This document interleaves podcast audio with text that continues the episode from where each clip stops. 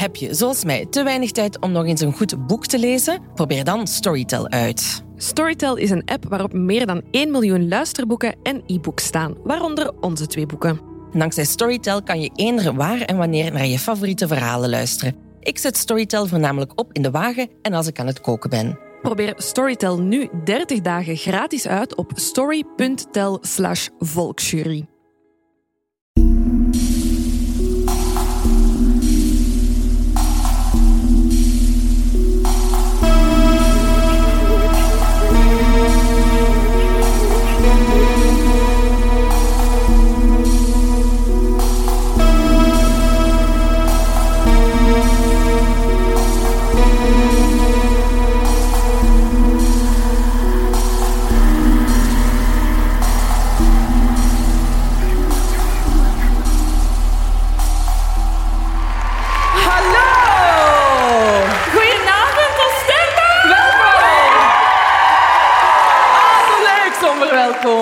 Amai, we kunnen echt We kunnen heel uiteen gaan hè? staan. Hè?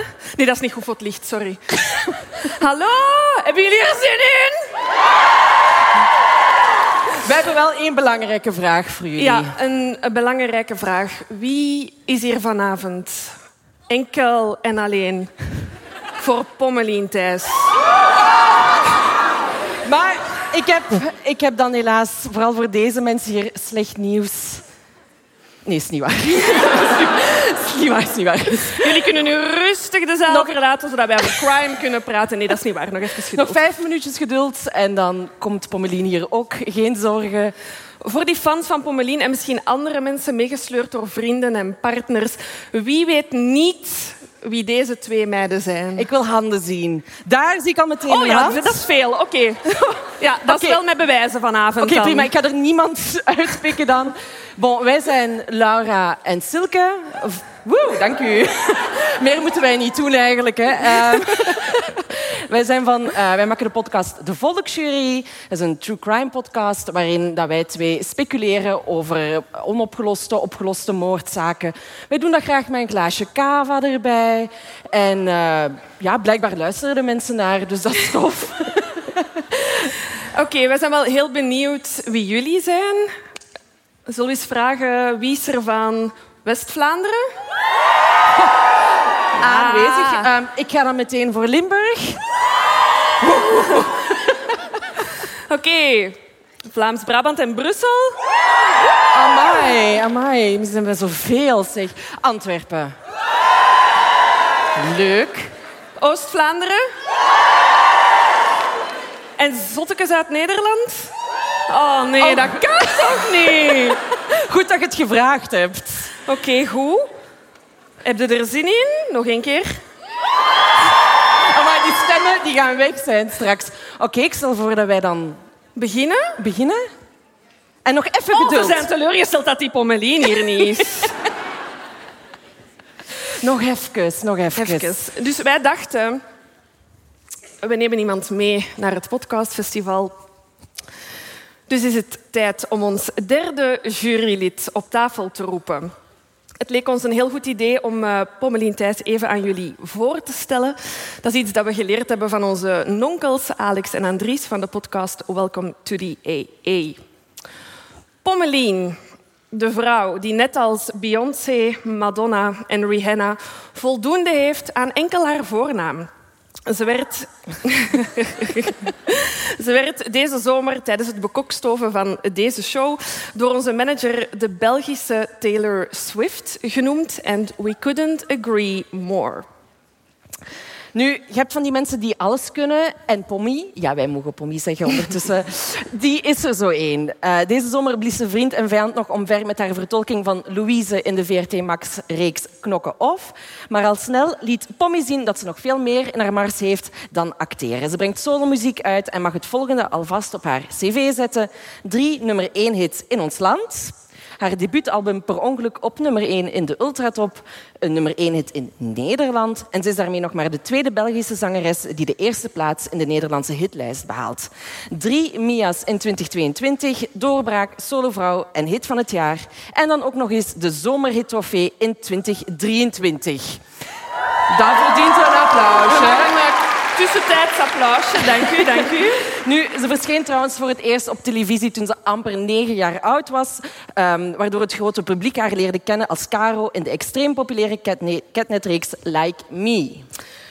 Kortom, we mogen allemaal dankbaar zijn dat we tegelijkertijd met Pommelien op deze aardbol mogen rondlopen. Dat is Sorry, daar is niks grappigs aan. Be blessed, oké?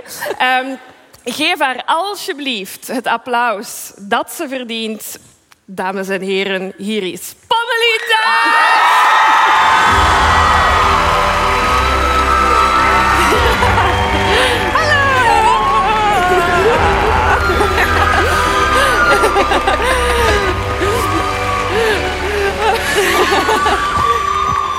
Pommelien tijd, dames en heren. Hallo Meer moeten wij niet doen vanavond eigenlijk. Hè? We gaan gewoon allemaal een beetje naar Pommelien kijken en ik denk dat we allemaal content zijn. Ik ga wat kava inschenken Dat is een supergoed idee. Dat- ja, ik vind dat ook. Oh, Voilà, dat was het al. Het is vandaag. We zijn vertrokken. Pommelien, ça va? ja, Safa. Ik vind het... en met jullie. Ja, met ons heel goed Met ons heel goed. Wij zijn super blij dat je er naast ons zit. Ehm, het heeft tien minuten geduurd, het antwoord van Pommelien op de vraag of ze hier vanavond met ons een show wou doen. Wat is uw... Ja, dat is waar. Waarom? Wat is de true crime connectie? Ik heb eigenlijk altijd... Allee, zolang ik me kan herinneren, behalve dan toen ik echt klein was, hè, ben, ik, ben ik echt een trouw ja, true crime luisteraar geweest. Maar eh, ik deed dat eigenlijk altijd terwijl ik kleren naaide. Dus elke keer als ik achter mijn naaimachine kroop, dan zocht ik zo'n goede achtergrondmuziek, maar dat was dan altijd true crime. En ik weet mijn ouders dat, ja, ja, mijn ouders vonden dat heel raar, omdat ja, Ik snap dat wel. ik zit daar dan gewoon achter mijn machine. En, en dan hoorde zo... Her body was cut into pieces and put in a suitcase. Ehm, maar ja, dat was omdat er eigenlijk nog geen, geen Vlaams alternatief was eh, in de tijd dat ik het al luisterde toen. Dus vanaf dat jullie er dan kwamen met de volksjury, ben ik zoals jullie allemaal eh, ja, meteen, meteen fan geworden. En ben ik eh, blijven luisteren tot dan. Super lief. We hebben nu ook, ehm, naast dat we hebben uitgenodigd, hebben we dan direct gevraagd van, is er misschien een zaak dat je wilt doen? Moet niet vrijblijvend, hè. we we willen zelf ook wel iets researchen, maar je wist direct wat je wou doen. Ah, wel ja, ik heb, ik, ja, maar ik vind het ook heel spannend, want ik zeg, ik, ik luister echt al vijf jaar naar jullie. ik, ik, ik, ik ben dit format niet gewoon, maar ik vind het echt ongelooflijk. Dus dank jullie wel dat ik hier mag zijn vandaag. Nee, ik, vind echt, ik vind echt de waanzin. Ik vind het echt keileuk. Ehm, ja, ik, ik, had een, ik had een zaak gezocht. ehm, en ik had er eentje gevonden die een klein beetje eh knokken-off vibes gaf. Niet dat dat een goede zaak is, maar je snapt het wel. We bevinden ons in een bepaald milieu. Dat is zeer zeker Ah, waar. Ehm, en er, er zat ook een beerput in dit verhaal. Mhm. Vond ik ook een goede plus. ehm, want eh, Dat gaan, de, Daar gaan we straks, daar gaan we eh, straks daar dieper op daar in. komen, we straks, daar komen we straks op terug. Ehm, maar ik vond het ook heel goed dat er wat onduidelijkheid was over de daders. Er is eigenlijk niemand die dat zegt, ik loste het laatste schot. En iedereen zegt eigenlijk, jij bent medeplichtig, maar jij bent medeplichtig. Eh, dat, vond ik wel, dat vond ik wel intrigerend. Ja, ja, ja, ja. ja. Vandaar. Kijk, voilà. Eh, Je weet, hè, je luistert al vijf jaar naar ons. Eh, je weet dat wij het segment hebben Losse Vlodders. Pommelien is overduidelijk fan van de Losse Vlodders. Ehm, heb jij een Losse Vlodder voor ons? Ik dacht echt dat je het nooit ging vragen. Ehm, ja, dank u. Ik heb losse vlodders. Ehm, En daar gaat ze. Dus, ehm, ja, ik ben naar een concert geweest in de Madeleine deze week van Noah Kaan. Oh, leuk. Daar was ik al enorm, enorm lang fan van. Heeft een ongelooflijk goed album gemaakt, Stick Season. Ehm, maar het, het viel eigenlijk een beetje, klein beetje tegen. Oh. Maar om- ik denk dat ik het gewoon kapot geluisterd had. Ah. Ik kon niet meer door dat album heen luisteren. Ehm, en dat was in Brussel, dus als je, als je passeert, dan passeert ook altijd de beurs. En eh, jullie zeiden het de vorige, vorige, een van de vorige afleveringen al, maar daar zijn we nog altijd aan het protesteren voor Pal- eh, Palestina. Ja. Ik ben deze week en vorige week ook gaan protesteren, dus ik vond dat een hele goede dat jullie daarvoor oproepen. Eh, en dat kan eigenlijk ook nog altijd, kunnen nog altijd Ja. eh, die petities onder, eh, ondertekenen. En Ja. voor de rest... ehm, Zeker doen, ja. Ja. ja, dat vond ik goed dat jullie dat Inderdaad. Dat mensen die dat nog niet hebben gedaan, please. Dat is daar eh, absoluut nog niet beter, dus eh, ik denk dat dat een belangrijke was. Ehm, en dan gisteravond ben ik een eh, fotoshoot gaan doen voor een nieuwe single. Oeh. Wat ook leuk was. De fans zijn aanwezig. Want die komt 22 november, dus dat is ook een hele spannende. En die is eigenlijk een beetje true crime gepimpt. Oké. Als oké. ja. Oké. Ja, Interessant. beetje. ja een beetje. Een beetje. Gewoon zo'n snuifje Gewoon true een, gewoon crime. een, een goede seasoning. Oké, oké. Dan zit je hier op de goede plek. Ah, wel, ik dacht het. Silke, jij losse vlodders? Eh, ik los de vlodders. Maar ik wil het eigenlijk vooral hebben over het feit dat wij eh, onze liveshows gaan doen. Dat Ja, vind ik wel ja. een, eh, waanzinnig weer, dat dat super goed gaat. Daar heb ik ook heel veel zin in. Dus dit is voor ons weer even een klein opwarmertje. Ja, als het zijn er ware. mensen hier die al tickets hebben voor de liveshows? Ah, zalig, zalig, Leuk, zalig, echt, zalig. Even, nu dat we elkaar face-to-face face zien, dikke merci daarvoor. Ja, dat doet ja, ons ja. echt superveel plezier. Echt waar. Dank u wel. Voilà. Eh, heb jij nog losse vlodders? Ehm, ene, ik had een live goal. Eh, ik kom alleen mijn leven in Oostende, jij ook. Ja. En ik heb altijd uitgekeken naar het Andromeda Hotel en nu slapen wij daar vanavond. Dat is al die fans. eh. Welkom, mijn kamer is niet waar. Nee, maar ik kijk daar heel hard naar uit om daar eens binnen te zijn. Ja, en ik zei dat tegen ons moeder, want ze is hier in de zaal, en zei ook direct, oh, dan kom ik eens kijken. Ik weet dat niet, dat is zoiets mythisch, dus ik ben heel blij dat ik daar slaap vanavond. Ik ben ook blij voor jou. Dank u.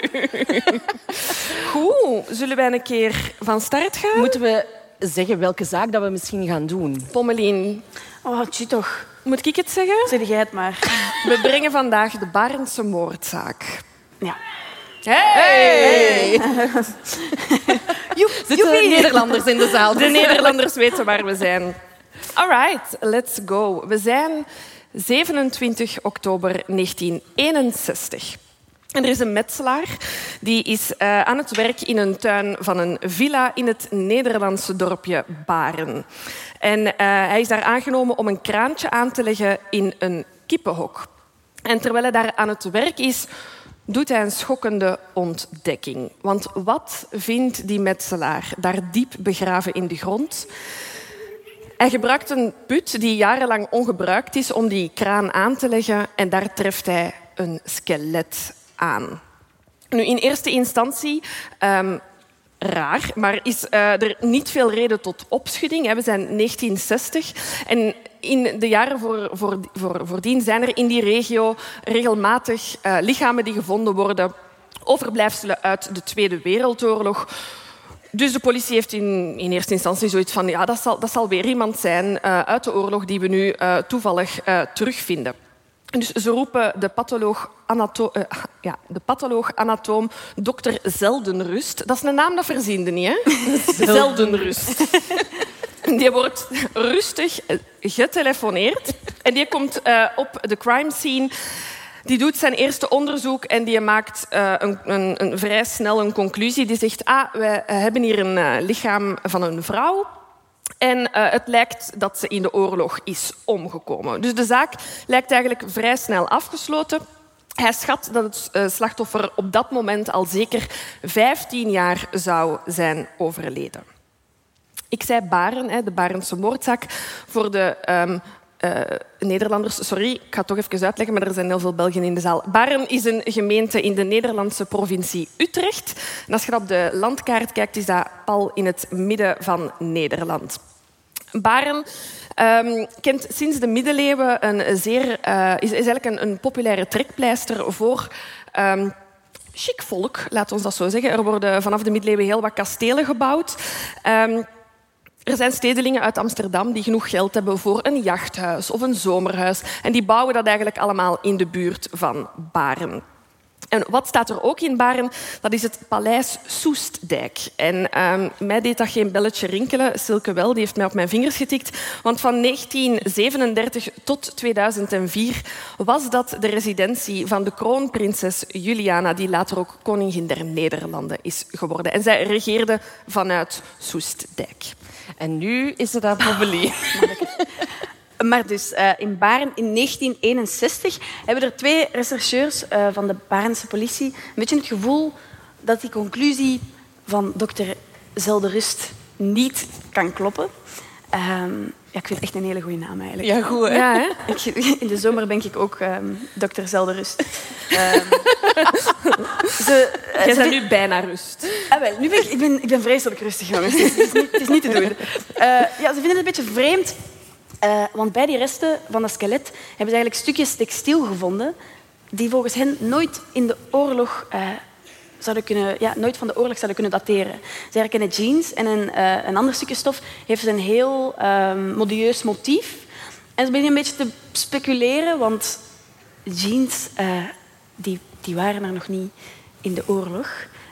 En, en dat andere stukje textiel heeft een motief dat een van de rechercheurs um, herkent. hij denkt, hij kan het in de eerste instantie niet echt zijn vinger erop leggen, maar dan schiet het hem te binnen. Is Theo Mastwijk eigenlijk al terug? Uh, die speurders pakken er zijn dossier bij van in juli 1960 en die constateert dat het stukje textiel dat in de put gevonden wordt overeenkomt qua motief met een blouse die dat Theo op een foto um, van zijn opsporingsbericht uh, droeg. Um, op 1 november in 1961 trekken de speurders met de vermissingsfoto's van Theo naar het laboratorium. Ze leggen het naast elkaar en het is een match. Goed gedaan. Wil jij dat bij ons ook wel even doen als wij iets zeggen? Ja, We hebben ook veel bevestiging nodig. Nee, dat weet dank u, dank u. Nu, um, wie is Theo Mastwijk? Uh, Theo is op het moment uh, van zijn verdwijning amper 14 jaar oud.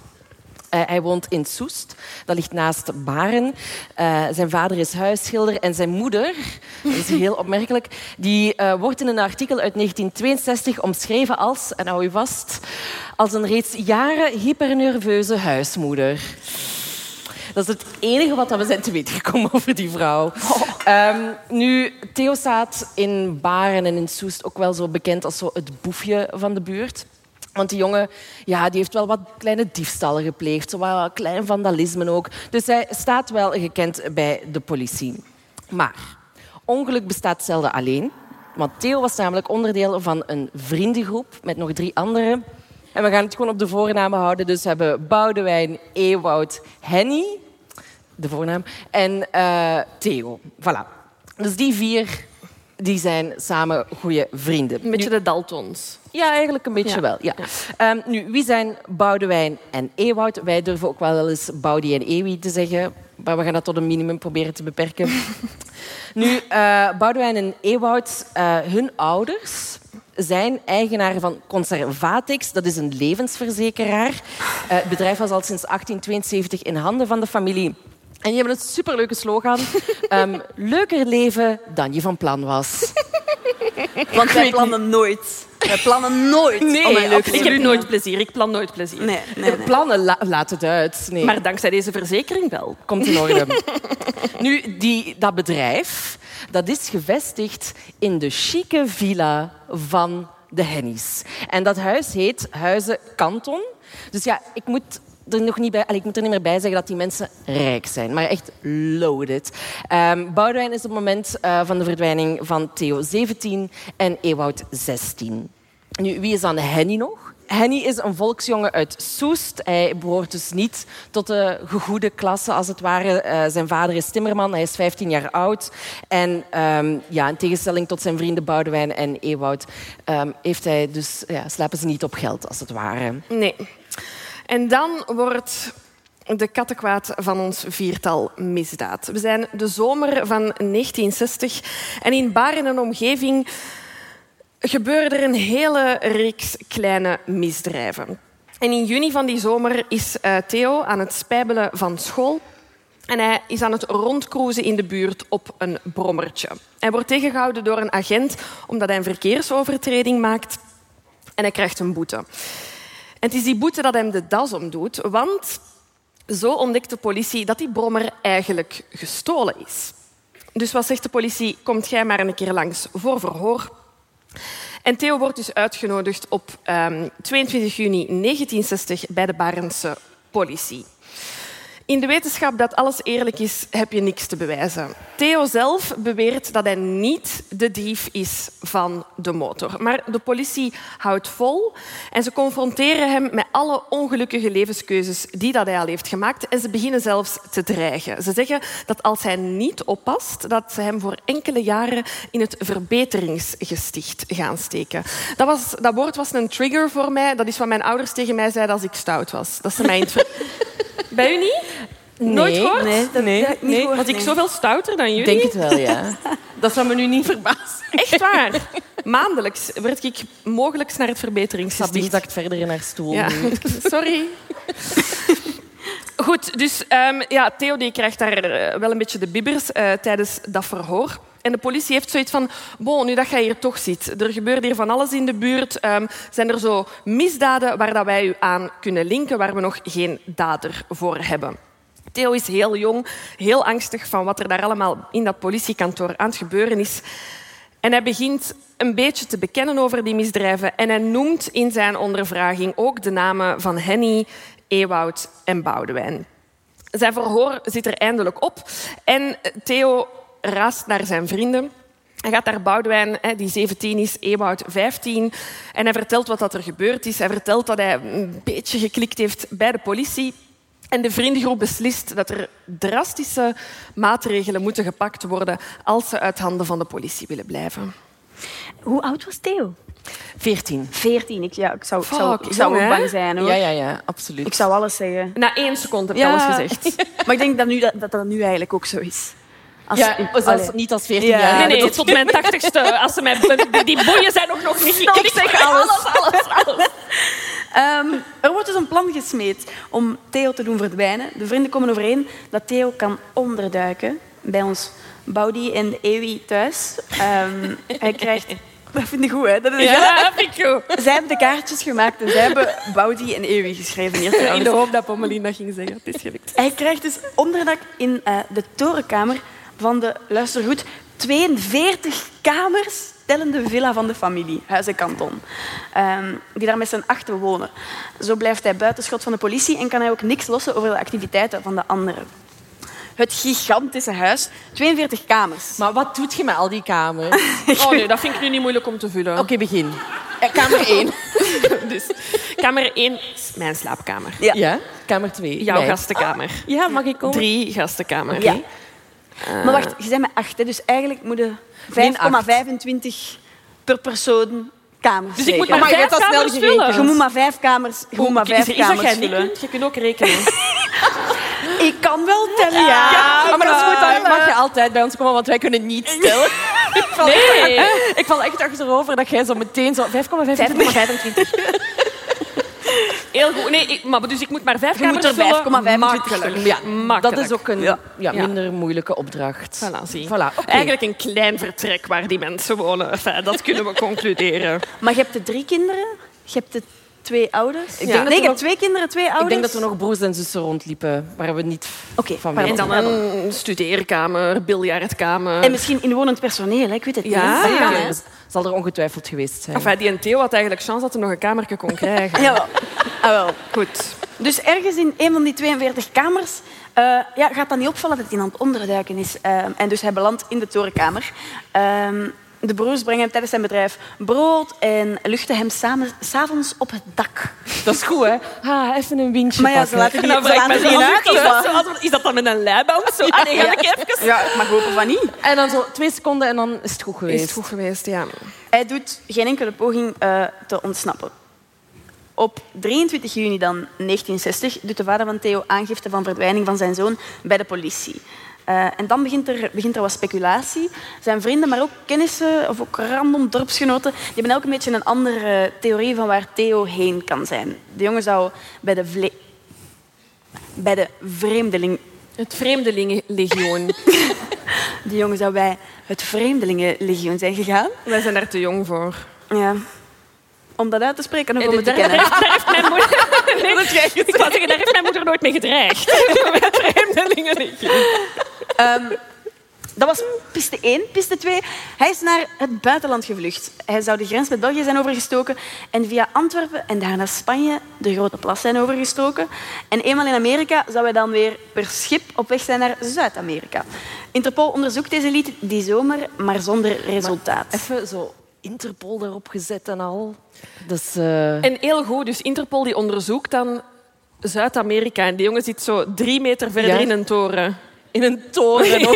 Ja, dat is toch goed? Zo à la repelsteeltje bijna zo. Hè? Een beetje, of zo Rapunzel zijn haar wel Ja, Rapunzel, dat, ja, ja, ja. Al die sprokjes, ja. Ja. We zijn hier geen punten aan het scoren. Nee, die fans van Pommelien die denken, sorry, wie zijn die chicks op dat podium?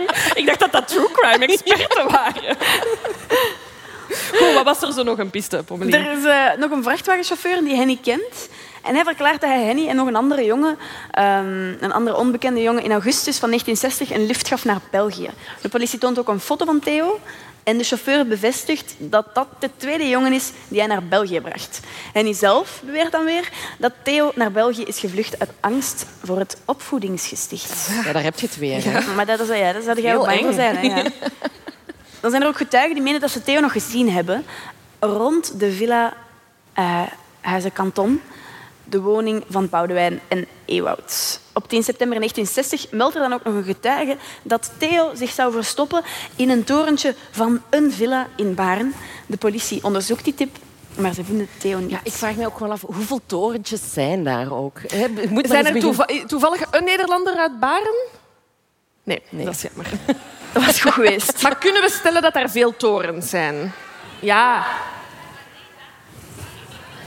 Oei. Nee, dat hoor ik niet. Ik onthoud veel Ah, daar zit torens iemand. in. Hier zit iemand wel of wat? Oh, we hebben iemand van Baren. Dat is niet En waar. zijn daar veel torens? Ja! ja! Er zijn veel torens in Baren. Oké. Maar ja, begint dan maar eens. hè. Ja, begint dat maar begint eens. dan maar eens als er zoveel torens Dat zijn. is een speld in een Ooiberg. Dan is Zuid-Amerika veel logischer. Ik snap het, ja. Nu snap ik het. Begrijpen we ze. Bon, ehm, dus Theo is verdwenen. Spoorloos verdwenen. Interpol vindt hem niet, de politie vindt hem niet. Er zijn allerlei soorten pistes. En er passeert eigenlijk een jaar. En er is nog steeds geen spoor van Theo. Nu, in het, eh, ja, en het leven gaat eigenlijk gewoon verder. Hè. We hebben Henny, het is ondertussen 1961. Die trekt ondertussen als demonstrateur van huishoudelijke artikelen door het hele land. Boudewijn gaat studeren in Leiden. En Ewout die blijft nog thuis wonen. En die denkt op een gegeven moment... Weet je wat? Ik ga de schuur in de tuin eens renoveren. Daar zitten kippen. Eh, hij denkt van ja, die hebben een kraantje nodig. Ik ga dat daar installeren. Dat is typisch kippen, hè? Die Typisch al- classic altijd, kippen. Altijd kraantjes nodig. Maar die put voor de afvoer, waar dat het water eh, van die kraan, die blijkt verstopt te zitten. Ah ja, hoezo? Ja, kijk. Er moet hulp bij komen. Ewout krijgt het niet alleen opgelost. Die roept er een metselaar bij op 27 oktober die die put openmaakt en daarin botten aantreft. Diep begraven in de grond, hè? Ja, dus dat zit al niet goed. Nee. Dan is het tijd voor ondervraging. Ah ja, want ze vinden daar een lichaam in die put. De politie komt er via die zijdeblouse, zoals Pommelien daar straks zei, erachter dat dat Theo is. En de politie kijkt dan toch al snel in de richting van de broers Boudewijn en Ewoud en Mag- hun vriend Henny. Waarom? We hadden die geruchten dat... ehm, Was er zo grappig? Ik... Ah, zeg maar. Oh nee, nee, ik wou het niet zo'n groot moment maken eigenlijk. En nu is het heel groot. Moeten we daar, moeten wij daar een muziekje onder zetten? Dat zou ik eigenlijk heel hard appreciëren, meiden. Kunnen wij wat muziek Nee, nee, nee, nee. Voor deze aankondiging. Nee, maar ik- ik heb ook iets heel onaangenaam gevonden in de grond een tijd Ja. En ik heb dat daar juist verteld dat ik iets ging zeggen over een beer. Dat is waar. Dat is waar. Dat is waar. Dus ik wou, dat, ik, maar ik wou u niet onderbreken, dus je Nee, mocht nee, het laat nog. is veel Je hebt, je hebt mij onderbroken dankzij die lieve fans op de eerste rij. Heb Ja, ik dat dat is, ontdekt. dat is heel lief. Wat heb jij diep begraven in de put gevonden? Theo? Nee, het is geen true crime eh, gerelateerd, eh, gelukkig. Maar een goed beerputverhaal. Ah, wel, mijn zus ging trouwen en eh, ze deed No, dat- is een far stretch dat we aan het al- zijn. Ja, ja, ja. Dat was ehm, in Griekenland en, en dat was keischoon zijn in een tuin. Ongelooflijk mooi. We zijn een dag voor de trouw en iemand gaat naar het toilet en dat toilet verstopt. En wij denken, oei, oké, morgen is hier 80 man of zo, dus er moet wel echt Ja. er moet een toilet zijn. Ehm, dus wij gaan eh, kijken bij de beerput en we beginnen te graven. En blijkt dat er in die beerput echt hoeken van 90 graden zaten. Wacht, maar ik heb al onmiddellijk een vraag. Jullie zijn gaan graven. Je hebt geen metselaar aangenomen. Nee. Oké. moedig, moedig, moedig. ja. Mijn ouders zijn gaan graven. Ah, Oké, En oké. die, hebben, die hebben dus gekeken. En ik ben nu geen wetenschapper, maar een hoek van 90 graden, dat lijkt mij moeilijk. Dat kan niet. Dat lijkt mij moeilijk. Om door te kakken. Ah, wel, om door te gaan. Ja. Ehm, en ze, ze graven wat verder en er ontbreekt een volledig stuk. Als in, je hebt de beerput hier, je hebt de leidingen en er is hier, dat stopt. Een kleine pauze. Een kleine pauze. Zo, hier Genoeg niet. gewerkt voor Ja, vandaag. hier niet. Ehm, dus mijn ouders die halen die staaf daaruit. Maar als je nu aan het eten bent, is het wel echt het moment om te stoppen. Je gaat het eigenlijk al moeten weten bij Beerput, maar nu is het echt het moment. Ehm, die trekken het eruit. en er komt er echt een fontein van drie, vier meter uit. Dat is niet waar. Over heel die tafel. Waren die tafels al gedekt? Nee. Oké. Oh, maar dat is dus wel effectief de plek waar de dag erop mijn zus is, is getrouwd met al die stoeltjes. Eh, ja, het- ik moet zeggen dat toen... Was het dan ook midden van de kakken dat ze getrouwd is? Of is het toch nog Het, we hebben het opgekuist gekregen, maar ik zeg we, maar ik moet zeggen dat al het feminisme mijn, mijn, mijn lijf even heeft verlaten. En Terecht, ik, ben, ik ben naar binnen gegaan, ik ben binnen gaan kuisen en eh, er hebben een paar heel lieve, lieve ehm, mannen en mijn moeder. Uw moeder is pas een feminist. Oh. Dat is waarom dat je moeder nodig hebt. Man. when shit hits the fan. Echt waar. Dus die hebben dat opgekuist. Maar bon, ehm, Dat geheel terzijde. Ja, dat geldt terzijde. Ik dacht, Nee, maar dat is oké. Ik ben heel blij dat we deze beerputverhaal hebben meegekregen, toch? Volgende keer als ik bij een beerput sta, ga ik aan u denken, Poppy. wij gaan er ook nog even aan denken. Ik denk heel mijn familie. Ja, ja, maar... Goed, dus we hebben Theo die daar in onze beerput eh, zit. Ehm, de politie die Boudewijn en Ewoud en Henny, dankzij die geruchten van onze torentjes, linken aan die verzwijning van Theo. Dus ik herhaal nog eens even, wat, hebben we, wat weten we over zijn verdwijning? Er waren roddels dat hij gesignaliseerd was bij de villa van de familie. En Henny zelf had gezegd dat eh, Theo eh, gevlucht zou zijn naar België. Dus de politie heeft zoiets van, bon, Gille 3, hoe dan ook, het is interessant om jullie eens te ondervragen. Ik denk dat jullie meer weten. Dus op 2 november 1961 wordt Henny als eerste gearresteerd om ondervraagd te worden. En ehm, wij zijn zoals Henny. Henny wordt binnengebracht, wordt neergezet. En binnen de minuut bekent hij dat hij samen met Boudewijn en Ewoud Theo vermoord heeft. Hij noemt dus ook in dat eerste gesprek onmiddellijk Boudewijn en Ewoud. Dus die twee worden ook eh, naar het politiekantoor gebracht. Ewoud wordt binnengebracht, direct bekentenis. En enkel Boudewijn is degene die zegt, ik heb hier niks mee te maken. Maar waarom werd Theo dan vermoord? Ehm, het plan van de drie vrienden komt eigenlijk tot stand wanneer het gezin van Boudewijn en Ewoud beslist om op vakantie te gaan in de zomer van 1960. Op zich geen probleem hè, dat Theo alleen in de villa blijft. Ehm, maar heel het huis gaat in die tijd herschilderd worden. 42 kamers. Je bent daar wel even mee bezig. Dat is een lange zomervakantie. Ah, wel, best om te doen als het gezin op vakantie is. Voilà. Goeie tip. Ehm, maar dan kan Theo dus ontdekt worden.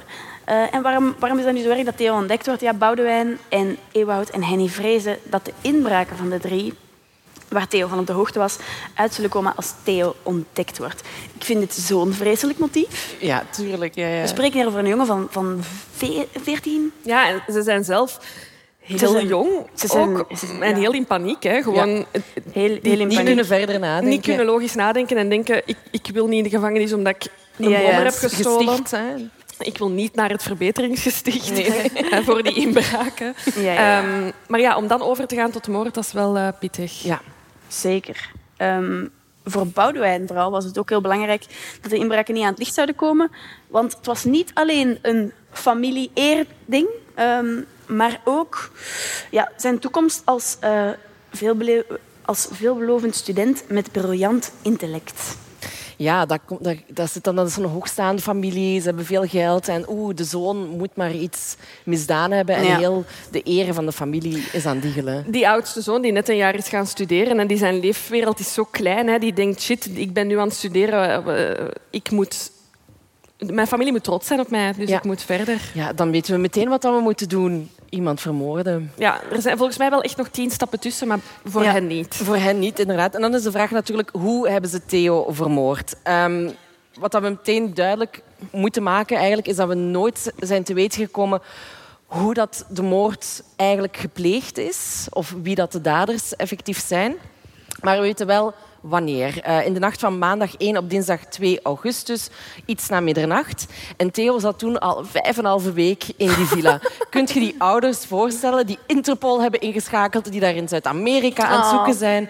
En die zit daar gewoon in dat torentje vijf en een halve week Vijf, maar lang. ook de, eh, de- denk even na dat er iemand vijf en een half week stiekem in uw huis woont. Nee, denk daar niet over na.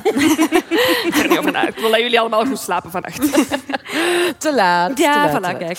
Ehm, nu, Ewout en Henny die worden verhoord en ehm, zij bekennen dat ze Theo op verschillende manieren hebben willen vermoorden. In eerste instantie hebben, ze geprobeerd om Theo te vergiftigen door slaappillen in een pintje te doen, maar dat is om de een of andere reden niet gelukt. We weten niet waarom. Heeft Theo het pintje niet gedronken? Werkten de pillen niet? Het plan werkte niet. Ehm, vervolgens eh, is Theo naar de schuur gelokt, zeggen ze, waar hij dan vermoord werd. Ewout zou daarbij op de uitkijk hebben gestaan. Eh, maar wie dan Theo echt vermoord heeft, zijn de ehm, Boudewijn of Henny. Dat weten we voorlopig nog niet. Ehm, en hun versies lopen eigenlijk zodanig uiteen. Eh, ze schuiven eigenlijk alles in elkaars schoenen. Dus beslissen ze om een reconstructie te houden in 1962. En nu moet je je inbeelden, dus die reconstructie wordt nagespeeld door de rechercheurs ter plaatse waar dat het misdrijf heeft plaatsgevonden. Eh, de jongens kijken daar gewoon op toe en uiteraard zijn daar ook toeschouwers bij. Ehm, dan, Henny, zijn feiten. We gaan die eerst even overlopen. Hij zegt, kijk, eh, wij zijn via de keukendeur, zijn Boudewijn, Henny, excuseer, zijn Boudewijn, Theo en ik hebben wij de villa verlaten en we zijn richting de schuur gegaan in de tuin. En ze hebben Theo daar met een smoes naartoe gelokt en ze zeiden van, kijk, jij moet u gaan wassen, want wij gaan u de grens oversmokkelen. Maar daarvoor moet het proper zijn.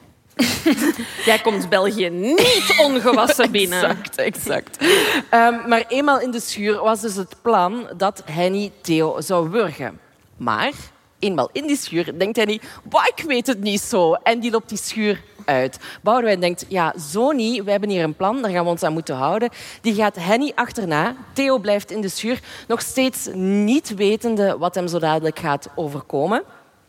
En Boudewijn zegt tegen Henny, kijk, dit moet gewoon gebeuren. En ze lopen allebei terug naar de schuur en ondertussen haalt Henny een wurglijntje boven. En een wurglijntje, zo werd het genoemd in de constructie. Reconstructie. In de reconstructie. Eh, en eh, het, ja, het, het moordwapen, als het ware, zou een plastieke waslijn zijn. Maar het wurglijntje dus. Ehm Boudewijn stapt terug die schuur in, trekt Theo uit de schuur. Henny gooit daarbij het wurglijntje over zijn hals. En terwijl probeert Boudewijn Theo in bedwang te houden. Ehm, maar dan glijdt het, waslijn, het wurglijntje uit de handen van Theo. En het is even lichte paniek, want wat gaan ze nu moeten doen? Boudewijn is snel bij de pinken. Hij gooit Theo op de grond, ziet uit zijn ooghoeken dat er een kapmes ligt, toevallig. Die pakt hij vast en slaat daarmee Theo twee keer in het hoofd. Wanneer Theo dan geen teken van leven meer geeft, sleurt Henny dan, hem dan richting de beerput, eh, die ze op voorhand al hadden geopend. Boudewijn ziet Henny een beetje sukkelen. Die denkt, ik ga hem helpen. Ze pakken allebei een been vast, sleuren hem verder naar de beerput en laten hem dan zakken daarin. Vervolgens gaat Boudewijn nog een zak met ongebluste kalk halen, gooit de zak leeg boven de put en dan gaan ze alle twee nog een emmer water halen, kappen dat erbij, doen er zand over en Theo is verdwenen. Diep begraven in de grond. Boudewijn die zegt, nee, dat is niet wat dat er eh, gebeurd is. Ik ben niet de persoon die met het eh, kapmes hem het hoofd heeft ingeslagen. En zegt, kijk, ik zal jullie mijn versie van de feiten geven. Het is Henny die ehm, eerst en vooral Theo wurgt met die wasdraad. En het is ook Henny die Theo met het kapmes het hoofd inslaat. En het zou ook Henny zijn die het lichaam helemaal alleen van Theo versleept richting de beerput en die daar laat invallen. Dus het is eigenlijk een beetje woord tegen woord, die twee. Voor de politie begint er veel duidelijk te worden, maar er is één grote vraag. En dat is, wie heeft dat kapmes nu gebruikt? Ja, ik denk dan, haal de waarheid uit het midden en bekijk de twee gezichten. Toch? Ja, wat... Silke, Silke, nee, Ja, zeg maar. Nee, nee, doe, maar. Ah nee, Silke sprak net over ongebluste kalk. Ehm, wat is dat ongebluste kalk?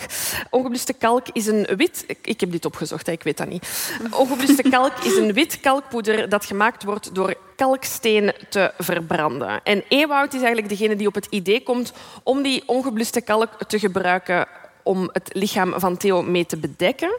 Want hij denkt, als, ehm, als we dat lichaam eh, daarmee overstrooien en we gieten daar water over, en dan gaat dat warm worden, dan gaat er een gas ontstaan en dan gaat dat lichaam opgelost geraken. Doe met deze tip wat dat jullie willen. Wij gaan daar voor legal reasons niet verder op ingaan. Maar dat kan wel onmiddellijk de verklaring zijn waarom Ewout anderhalf jaar later denkt, ah, doet je put maar open, geen Ja. probleem. Hij denkt misschien... Dat, ja, toch? Ja, ik vroeg het mij ook al af. Van waarom, waarom, Doet hij, waarom doet hij dan die put terug open? Ik vind dat waanzinnig dat hem dat doet. Ja, ja. Waarom, waarom, zou de, waarom zou je iemand in de buurt laten? Jij weet wat je gedaan hebt. Omdat ik, dat, is, dat is mijn enige verklaring. Ik denk Gewoon- dat hij echt oprecht dacht, dat lichaam is al opgelost. Ja, ik heb, Klein me- beetje ik heb er daar ook echt over zitten nadenken van waarom, maar dat zou inderdaad een goede verklaring zijn. Maar- ik denk het wel. ja, ik, ik weet het, ik zou het ook echt nooit doen. Dat is het level van zelfvertrouwen dat ik, dat ik ooit wil bereiken. Dat is streven, hè? Dat is streven. Ik wil heel graag Ewout zijn. Nee, ja, nee zo, ver, waterput. zo ver zou ik ook niet gaan. Maar, maar dat level van delusion is wel iets wat ik graag... De Lulu. Lekker de Lulu. De Lulu is de Solulu. Time out. Dank u, familie. Goed, ik ga dan over serieuze dingen praten, zoals de autopsie. Ja. En die wordt ook uitgevoerd, hè, want eh, spoiler, Theo is niet opgelost. Hij ligt daar nog in eh, onze eh, beerput. Er wordt een autopsie op zijn lichaam uitgevoerd. En die wetsdokter die komt tot een zeer opmerkelijke conclusie. Hij zegt dat de slagen met het kapmes niet fataal waren. En dat betekent dat Theo levend begraven is in de Ja. put met ongebluste kalk. Echt Gruwelijk. afschuwelijk. Drie tieners, Jesus. Ja. Ehm, we kunnen verder gaan met de, met de ontsnapping van Boudewijn. Oh ja. Boudewijn heeft gezegd, niet vandaag. Ehm, tijdens het onderzoek komt er duidelijk naar voren dat de jongens tot een andere klasse behoren. Henny komt uit een arbeidsfamilie. Ehm Boudewijn en Ewoud komen uit een rijke familie. En de laatste zorgt voor een nogal opmerkelijk incident. Eh Boudewijn verdwijnt na zijn eerste verhoor in het politiekantoor. De politie verklaart eh, dat Boudewijn met geweld is ontsnapt. Hij zou een bewaker een, eh, een kopstoot hebben gegeven, maar die zal waarschijnlijk een heel grote hoofd hebben met al zijn eh, briljant intellect, denk ik. Juist, ik was dat even vergeten, dat intellect. Dat Dus die dacht, bam. Ja, het zal Ehm, zeer gedaan hebben. Ja, voilà. Ehm, en dus het gooien leeft eventjes in doodsangst voor de ontsnapte moordenaar. Ehm, later blijkt dan Nee, ga maar verder, sorry. Later blijkt dan dat er gewoon iemand was om hem op te vangen na het verhoor. Eh, en Boudewijn is dus gewoon vertrokken. Ehm, Stel je voor, gewoon zo, je wordt ondervraagd. Je bent obviously, je hebt net een moord bekend. Ja, ja, ja. Hoofdverdachte en dan zo, ga maar naar buiten, daar staat niemand. Ja, ik zou het wel Loopt je weten. Ik weg? zou ook weglopen. ik blijf staan. ik denk dat ik ook blijf staan. Nee, dat is de kans van uw leven. Ja, en ik denk ook dat ik dan zo... Excuseer, er is niemand. Die cel, waar was dat juist? Ik ben even de, de, de richting kwijt. Is dat een self-check-in zoals bij B&B? Zo? Is dat hier met een badge? Die heb ik nog niet ontvangen. Mijn slippers, waar zijn die? Zou jij Deze aan. Ja, nee, ik denk niet dat ik zou... Ehm, Ik zal jullie ko- komen redden dan. Maar jij zou echt weglopen? maar ik zou ook bang zijn om ze aan te spreken. Jij zou gewoon blijven zitten. Ik ben zo aan het wikken en wegen welke sociale angst er van mij groter is. zijn. Is het het aanspreken van onbekende mensen of is het het... ehm, Voortvluchtig zijn. voortvluchtig zijn. Ik, allee, ik vind het een moeilijke. Ze liggen wel Ja. dicht bij elkaar Jij bij zou zo wat freezen in die hal. Ja. En zo. We zullen dan een keer oefenen. Pardon? Wacht, vanaf waar beginnen we oefenen? Vanaf de moord of erna? Ah, maar daar kunnen we nog eens over nadenken. Ja. Oké, goed. Hij is dus ontsnapt. Wat dan? ja, de politie wordt massaal ingezet om hem zo snel mogelijk op te sporen. De hele nacht worden de weilanden uitgekampt met honden op zoek naar de voortvluchtigen. En er wordt ook een ploeg naar de villa gestuurd van de familie. Voor het geval dat Boudewijn daarheen zou trekken. Hè. Eh, de agenten worden echter opgesloten in de keuken. We hadden een idee ook gewoon. Ja, zo. Ah, kom binnen en hier is eh, koffie. En dan zo bij deur op slot. Maar is dat ook niet gewoon kei legaal weer? Nee, ja, tuurlijk. Die mensen die hebben echt... Allee, die Maar geven het is ook wel 1961. Ja, dat is waar. En dan bestond de wet nog niet. Nee, nee, ons wetboek dat is vanaf 63. Oh. Nee, dat is niet waar. Dat is niet waar. Dat is niet waar. Dat is niet waar. Dat is sowieso ook toen illegaal wat er nu gebeurt. Ja, ja. Eh, de familie eh, wil Boudewijn eerst zelf thuis ontvangen. Hè. Die hebben nu een zoon al even gezien voordat ze hem teruggeven aan het gerecht dan. Ehm, en de agenten getuigen dat ze het gevoel krijgen dat ze zelf de misdadigers zijn. Dit is een getuigenis van een van de agenten. Als voortvluchtige Boudewijn het huis s'nachts zou betreden, mochten wij hem niet onmiddellijk aanhouden. Hij moest eerst naar zijn ouders gaan. De vader of moeder zou ons dan in de keuken komen waarschuwen als hij er was. Oké, hoor ik daar niet. En daarna zouden wij in de kamer, waar hij met zijn vader of moeder zat, worden binnengelaten. Als men het goed bekijkt, waren wij tot de gevangenen van de familie Henny gedegradeerd. Wat een idee dat, dat, Mannetjes. dat, dat die dat ook gewoon toelieten. Ja, ik denk, Maar we is- weten, we zitten hier met een familie met Rijke veel geld, familie. veel macht. Dus die politie had zoiets van, ja, Ik kan niks doen hier. ja, Ja. let's go. Vind ja. ik wel wild. Maar, Ja, maar- heel wild. Wild. Het wild, jongens. Ehm, en Boudewijn komt inderdaad terug. Ehm, want ja, het was, toch een, het was toch een beetje kou. Hè. En Het regende. Het regende. En dan wilde gewoon terug naar uw villa met 48 kamers. 42 kamers, Oh, maar sorry. opeens zit er al 48, Ja, ja. we eindigen met 100. Ja. Ik ga dat elke keer een stukje hoger zetten. Ehm, waar hij discreet en na overleg met de advocaat van de familie eh, opnieuw wordt opgepakt. De officier van justitie, meneer Overbeek, kwam hem met zijn privéauto ophalen en reed hem ongeboeid naar het politiebureau. Waarna deze officier in de landelijke pers een lawine van beschuldigingen over zich heen kreeg. Klasse justitie en terecht, roepen de, roepen de kranten. Ehm, bovendien ging het om rijke luisdader, een miljonairszoon en hun vader was directeur van de verzekeringsmaatschappij Conservatrix, ehm, die zich moesten verantwoorden nu voor de moord op een jongen uit een lager sociaal milieu. Ja, dus het is duidelijk dat er wel ja, een verschil is Ja. ehm, in een afkomst. Hè. We zitten met die rijke familie, we zitten ook met Theo die uit een arbeidersfamilie komt, maar ook Henny komt uit zo'n arbeidersklasse en ook hij raakt een beetje in de problemen. Want Boudewijn en Ewout die kunnen al snel de meest vooraanstaande advocaten onder de arm nemen. Maar ja, Henny en zijn ouders die hebben daar geen geld voor. Dus wat gebeurt er? Er wordt een inzamelingsactie gehouden voor Henny om hem een advocaat eh, te kunnen betalen. En dat levert toch zeker 6000 gulden op. Destijds, ik heb echt geen idee hoeveel dat de dag van vandaag is. Eh, maar daarmee kan hij dus ook een goede advocaat onder de arm nemen. Ik vind dat wel... eh, ja, ik vind het ergens mooi dat er, een Allee, dat er zo'n inzamelingsactie wordt opgezet. Ja. Maar ook... ah ja, want iedereen heeft recht op verdediging, maar ook wel opmerkelijk. Omdat het in dat dorp is gebeurd. En toch denken die mensen... Ah ja, die Henny heeft basically bekend. En toch denkt dat dorp, ja, maar jij verdient ook een advocaat. Jij verdient ook verdediging. Dat vind ik heel nobel. Heel nobel, maar ook Ook raar. de 60s, man.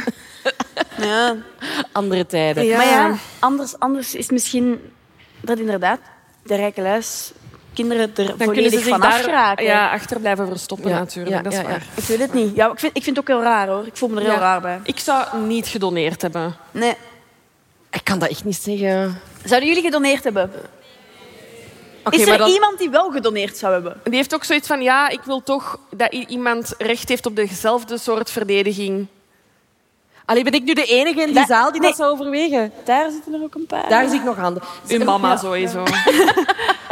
Waar zijn die handjes Ah ja, voor? daar is toch iemand. Ah ja, toch een paar Ja, mensen u, die dank u, durven u. zeggen, ik doneer. Oh, dat is lief. Dat is echt super lief. Jullie hebben Ja. een groot hart. Wij hebben empathie. En wij niet. Oké. Nu, eh, we gaan over naar de rechtszaak. hè. De advocaten zijn gekozen. De rechtszaak gaat van start. En tegen Boudewijn en Henny wordt 12 jaar geëist met ter beschikkingstelling. Ehm, opvallend is dus dat Boudewijn en Henny dezelfde straf riskeren. Ook al is er niet duidelijk wie van hen twee nu Theo vermoord heeft met het kapmes. Eh, en daar wordt over gezegd door de aanklager.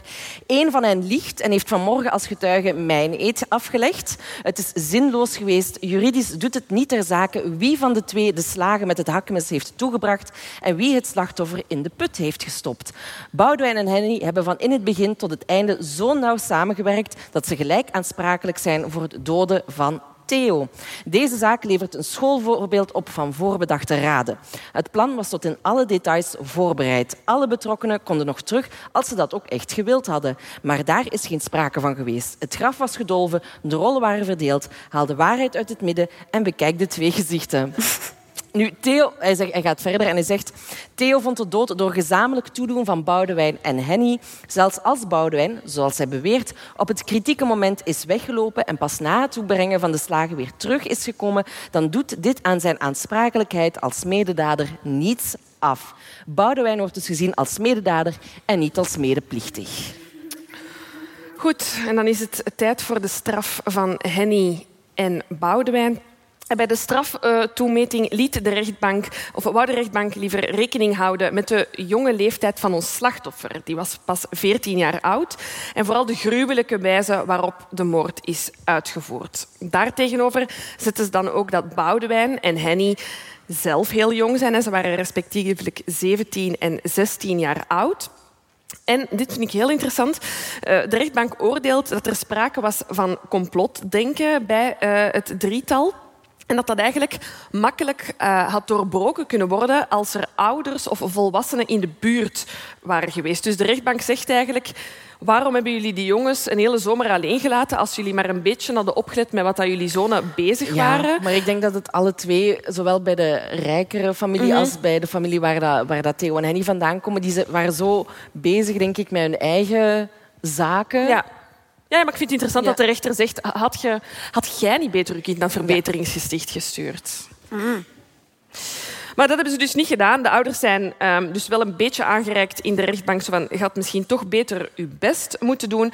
En er wordt ook TBS met dwangverpleging opgelegd voor de twee jongens. Want er wordt geconstateerd dat er een gebrekkige ontwikkeling van het geestenvermogen is en zelfs een ziekelijke stoornis. Daar zit je dan met je briljant intellect, hè? Hey, Ja, Ja, ja. maar wel een ziekelijke stoornis. Ja, inderdaad. Uiteindelijk worden Boudewijn en Henny veroordeeld tot negen jaar gevangenisstraf plus TBS. En dan hebben we nog Ewoud, hè, degene die erbij was, maar misschien eh, toch niet. Voor hem eisen ze zeven jaar zonder die ter beschikkingstelling. Met zijn briljant brein is blijkbaar alles in orde, want de psychiaters zeggen dat hij geen gevaar vormt voor de maatschappij. De aanklager zegt, ja, dit ligt een beetje anders. Hè. Hij was deel van de voorbereiding, maar bij de eigenlijke liquidatie was hij niet betrokken. Hij stond op de uitkijk en hij wist eigenlijk niet wat dat er gebeurde op het moment van de moord. De aanklager zegt hij is medeplichtig, maar hij is geen mededader. En voor die medeplichtigheid aan de moord ehm, en ook de diefstallen die dat Ewout eh, gepleegd heeft met zijn vrienden, krijgt hij uiteindelijk zes jaar gevangenisstraf ehm, en volgt er toch TBS met dwangverpleging. En ze geven aan dat ze rekening hebben gehouden ook met ook zijn jonge leeftijd, 15 jaar ten tijde van de moord. Waanzin, Ja. zo jong dat die zijn. Nee. Dat is, ja, je vraagt je echt af wat er in die hoofden is omgegaan. Ja. Ehm, maar ik vind het wel goed dat er met die jeugdige leeftijd wordt Rekening, houden. gehouden. Ja, maar toch moeilijk, hè? Ik vind dat moeilijk. Ja. Dat slachtoffer was ook zo jong. En die, en die Ja. zijn familie wordt, wordt, wordt volledig... Ja, ja die, die kunnen nu niks meer, Nee. niks meer doen. Dat, dat, dat, ja, ik, vind dat verschrikkelijk. ik vind dat heel moeilijk, om voor, ook voor jonge daders. Ja, ja, Ja, ja, nee, ja. dat snap ik. Maar daarvoor, daarom zijn wij geen rechters. Nee, nee, nee. nee dat is echt... Ik zou het niet, niet kunnen. We kunnen Raakt u dat dan? Absoluut. Ja. Ja. ja, ik ben daar wel een kwaai in, denk ik. Of, een- Ja. of misschien een beetje zwart-wit denken of zo. Nee, nee, nee. ja, dat is- ik vind dat, maar vooral omdat je zit echt... Ja, ik, denk, ik kan dat heel moeilijk om dat slachtoffer niet als... Ja, Als persoon te zien. ik, en ik, je ik- die staat van voor, vind ik altijd. Mhm. En daarom zou ik een compleet partijdige, een compleet partijdige volksjury zijn. Dus ik, denk niet dat ik, ik hoop dat ik nooit gebeld word. Ja. Maar goed dat je dan hier kan zitten Ah, om het eens te is mijn- proberen. ja, het is een veilige omgeving om te judgen. exact. Ehm, we kunnen Goed. nog een beetje De- hebben over de nasleep. Heel Ja. goed idee. Ehm, ja, dus dit gaat, ja, dit gaat recht door mij heen. Ook in de nasleep. Ja, mannen, hou me tegen, hè. Ehm, ja. In de nasleep is er ook nog heel veel sprake van die klassejustitie. Ehm, tijdens hun gevangenisstraf blijven de broers een luxe leventje leiden. Ze mogen zelfs op reis, gaan vaak zeilen of roeien. Zo mocht Boudewijn ook naar buiten om zijn studie wiskunde en natuurkunde verder te zetten. Dat houden toch niet voor mogelijk? Ja. Ik snap ergens dat je die jongens laat studeren. Maar Ja, maar zo... doet dat vanuit de gevangenis. Hij moet, maar, hij moet waarschijnlijk maar vier jaar zitten. Nee, ja, en roeien en zeilen zijn nu niet dingen dat je moet doen tijdens je uurtje wandeling in de gevangenis. toch weer zo'n ontsnappingspoging gewaagd hebben als ik het was nee. geweest. Ja, ja. Recht naar Zuid-Amerika met die roeien, hè, hè, van Roeien, roeien, tot in Zuid-Amerika. Goed. Eh, er verschijnt ook een boek in 1963 over de zaak, de Barendse moord. En er worden wel 30.000 exemplaren verkocht. En je denkt, woe. Wauw, ja, je denkt, wauw, 30.000, wat een bestseller. Eh, maar er is één grote fan en dat is de papa. Ehm, en hij doet dat voornamelijk om ehm, ja, ze te kunnen vernietigen. Maar Dus dat, dat snap ik wel. Wat, eh? dat hij dat allemaal opkoopt? Die, die mens is rijk, dus geld, ik bedoel, Dat eh, maakt niet 42 uit. kamer, het maakt niet uit. Er verschijnt een boek over de, de, de daden die je zoons hebben gepleegd. Ik zou ook alles opkopen. Zelfs worden wij ook nog gecanceld. Waarom? Omdat wij deze zaak brengen en die man denkt... eh. Ik denk dat de papa niet meer dood leeft. zijn ook, ja. Oké, ik maak me ver... Op de volksjury niet op, please. en eh, wat dan met, met, met Henny? Daar hebben we eigenlijk niks meer over Nee, gevonden. nee, nee. Maar ehm, over uh, Boudewijn en Eeuwoud daarentegen... Daar hebben- kunnen wij nog wel wat over Daar kunnen wij nog even over babbelen. Ehm, want dus na hun vrijlating gaan Boudewijn en Ewout aan de slag in hun familiebedrijf. Want dat doe je dan natuurlijk. Eh, en dat bevindt zich nog steeds in de villa. Dus waar dat die die moord hebben gepleegd, gaan die ook werken. Die kijken uit vanuit een van hun kamers, torens, in die tuin. En daar altijd de herinnering aan die beerput en aan die Heel moord. raar. Nu, ehm, ze verdienen goed geld daarmee. Ze nemen zelfs de leiding over van het bedrijf. En in 2007 staan ze plots in de quote 500. Dat is de lijst met de 500 rijkste Nederlanders. En ze staan daar op de 178ste plaats. Hun geschat vermogen ze zijn 147 miljoen euro. Dat is de waanzin. Dat is waanzin. Maar Boudewijn en Ewoud zijn niet blij met die vermelding in de quote 500. Ehm, want natuurlijk, dat komt er dan bij, er wordt een bioke bijgezet en een crimineel verleden. Oh, wat een korte bio, een korte bio Amai. wordt daarbij gezet over wat ze in hun jeugd hebben gedaan. En ehm, dus die twee denken, ja, dat willen we het natuurlijk helemaal niet. Eh, en ze dienen klacht in omdat ze niet vermeld willen worden in die lijst. Ja, moet je ook maar niet zoveel geld verdienen, denk ik dan. Ehm, en ze dienen een klacht in, maar daardoor krijgen ze dus alleen nog maar meer publiciteit. Want opeens weet iedereen, anno 2007, wie Boudewijn en Ewoud zijn. Eh Ewoud is dan 63 en Boudewijn 64. En bon, voor die klacht, ja, het zijn dan toch wel zo twee hoogfunctionerende hypocrieten of Maar ja, zo, vind ik. Hoog functionerende hypocrieten. Toch? Dat vind ik Met een, goe- een Met goede een briljant intellect en, en, en toestanden allemaal. Ik vind het... Nu zijn ze, nu zijn ze oud, hè? Ja, nu mag ze oud. Nu heb ik echt, nu heb ik mijn allerlaatste respect absoluut is ver uit de deur. Hè? Ja, dat mag ja. niet. Hè? Als ze oud zijn, dan... dan. Ja. En ik denk dat ik wel safe Ah, zit. oude moordenaars. Alleen oude moordenaars. Oude mensen vind ik super. Ik denk ook dat ik safe zit met die papa. Die zal wel dood zijn, toch? Die zal wel Ja, dood ja, zijn. voilà. Maar jij, vindt, jij beaamt dat... Ik vind eh, absoluut hoog functionerende hypocrieten.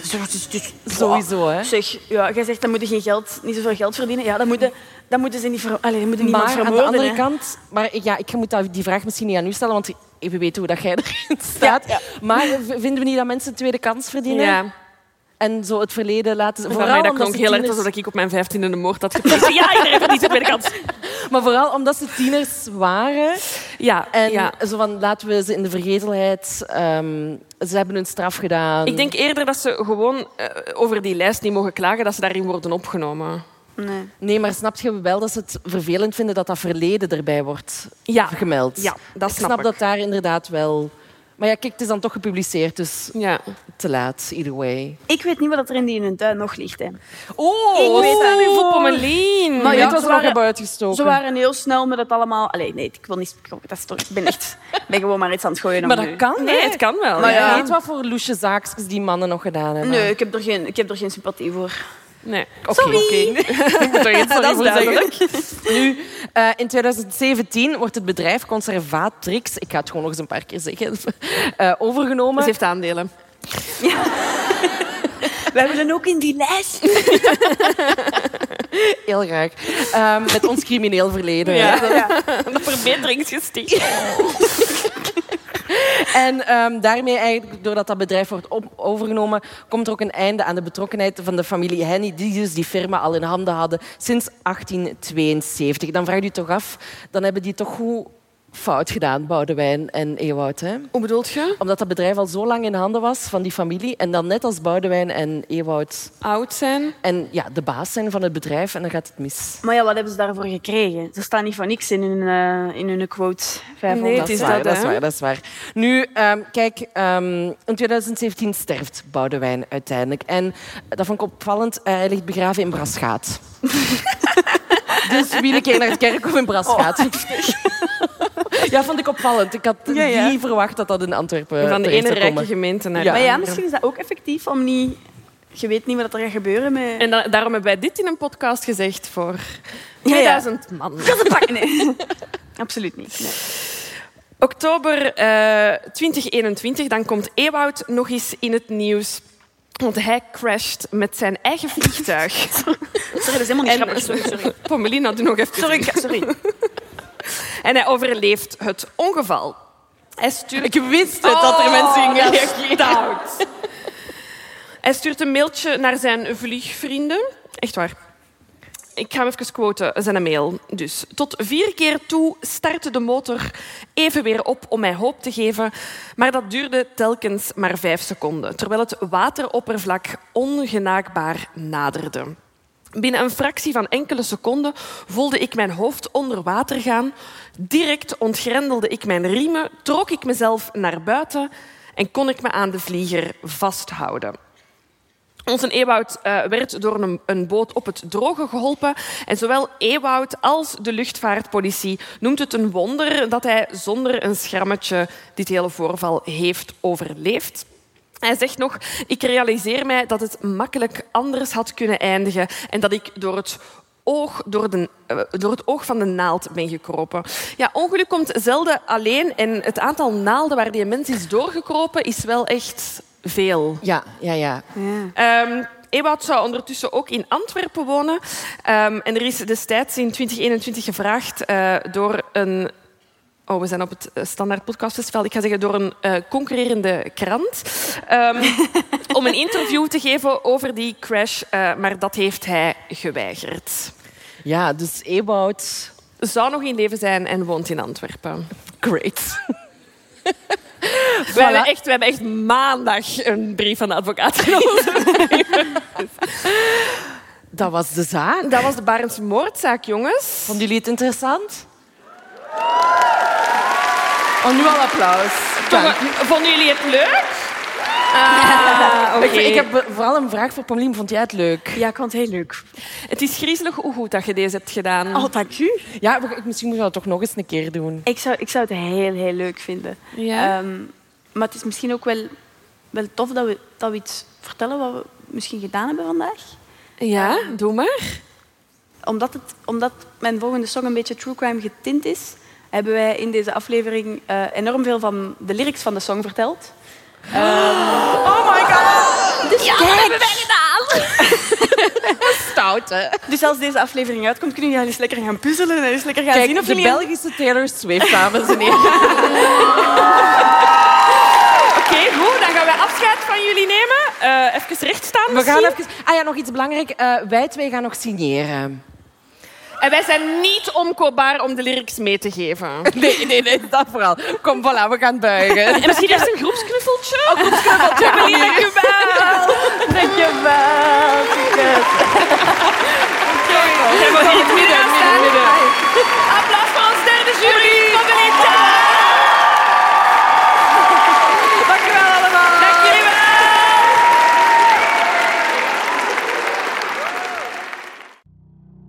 Op Storytel vind je heel veel crime-luisterboeken. Waaronder de thrillers van Karen Slaughter, die ook wel de Queen of Crime wordt genoemd. Probeer Storytel nu 30 dagen gratis uit op story.tel volksjury.